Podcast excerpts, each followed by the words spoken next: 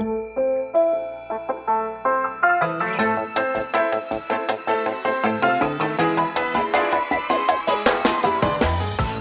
lieve luisteraars, welkom bij de Stories of Inspiration podcast van What's Your Story.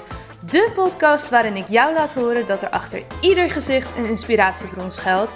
En waarin ik jou heel veel tips ga geven over hoe jij meer naar buiten kunt treden met jouw authentieke verhaal. Heel veel plezier met luisteren en na afloop ben ik onwijs benieuwd wat je ervan vond. Stuur me een berichtje via Instagram als je wil reageren, als je vragen hebt of als je jouw verhaal ook zou willen delen. Veel plezier met luisteren!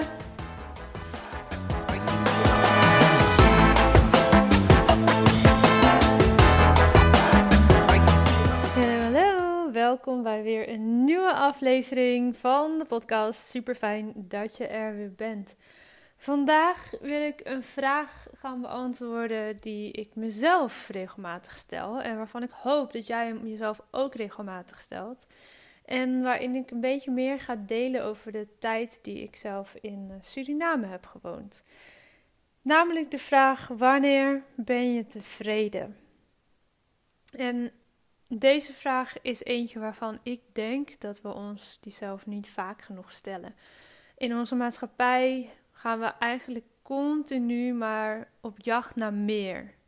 Meer succes, meer geld, meer nou ja, eten, drinken, drank, meer feesten, meer vrouwen, meer mannen, meer alles maar meer. Groter huis, grotere auto, dikkere bankrekening, noem maar op. We zitten in een maatschappij, denk ik, op dit moment waarin het niet snel goed genoeg is. En waarin we dus ook met z'n allen niet zo snel tevreden zijn. En in deze podcast heb ik het natuurlijk altijd over het delen van je persoonlijke verhaal. Je plek ook gaan pakken daarin, zowel online als offline. En je podium durven pakken in de zin van durven stralen. En voorbij te gaan aan jouw straalangst misschien ook wel, als je daar last van hebt. En het helpt daarbij, denk ik, dat je in beeld brengt wanneer je tevreden bent. Wanneer is het goed genoeg? Anders blijf je namelijk altijd maar in een soort red race op jacht naar meer. En ik betrap mezelf hier ook vaak genoeg op dat ik echt even moet zeggen: Lot, stop. Want je bent weer aan het jagen naar meer en jezelf aan het willen bewijzen. Of hè, dan gaat het vanaf extern in plaats van vanuit jezelf.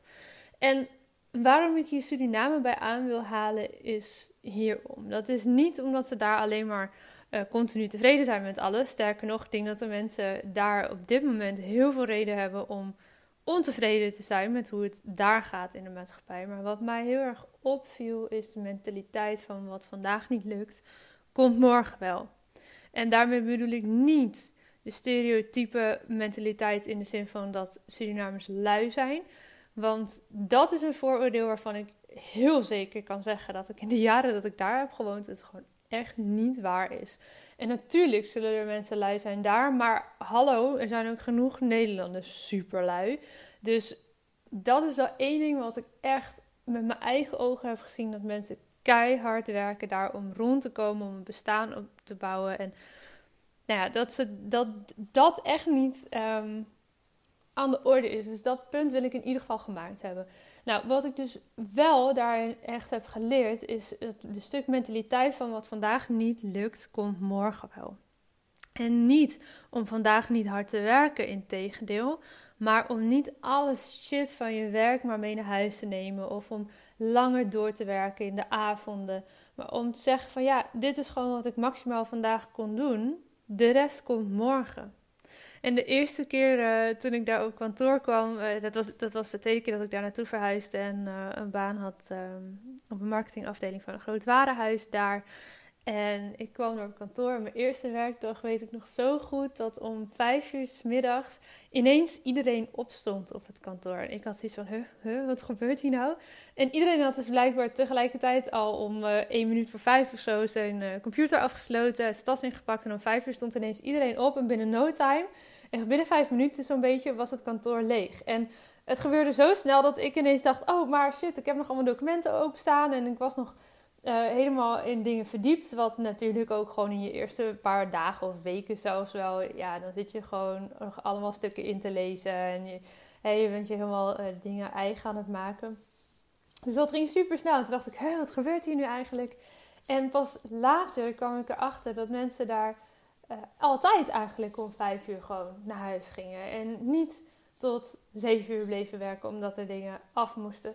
Het gebeurde wel, want er waren zeker wel dagen waarop dingen echt af moesten. En dat een aantal van de medewerkers langer bleef. En zelf heb ik die dagen ook gehad als we echt naar een event aan het toewerken waren bijvoorbeeld. Dan heb ik echt wel tot laat op de avond daar gezeten. En bijvoorbeeld de twee dagen voordat hè, dat er echt een groot event ging plaatsvinden. Dan zat ik daar ook echt soms zo tot tien uur, half elf bleven we daar avondeten. Maar dan werk je echt toe naar zo'n piekmoment en daarna is dat ook weer klaar. Dus dat waren de uitzonderingen. En wat ik mezelf echt wel af en toe in Nederland probeer uh, toe te spreken, is: hey, wat vandaag niet lukt, komt morgen. Wanneer ben je tevreden? Kan je een realistisch to-do-lijstje maken? Want ik betrap mezelf er zo vaak op dat ik dan een lijstje maak en het niet haalbaar blijkt.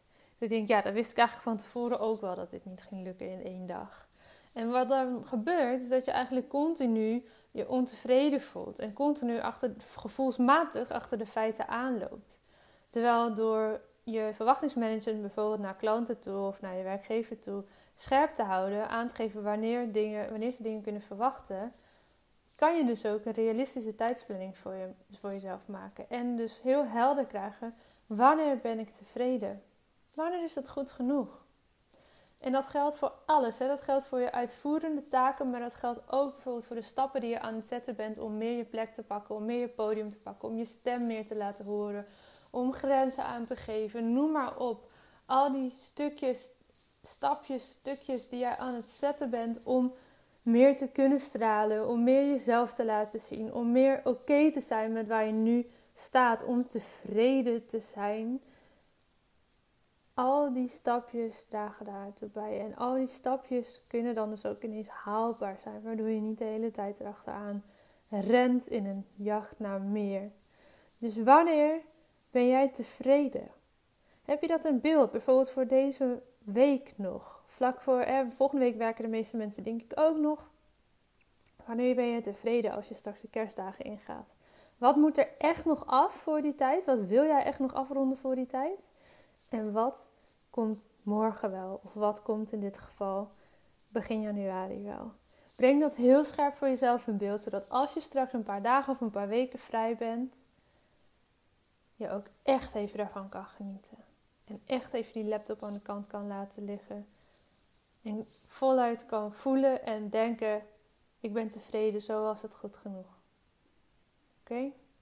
Laat me weten wanneer ben jij tevreden? Of heb je in ieder geval even een check bij jezelf kunnen doen wat dat voor jou is? Deel het alsjeblieft.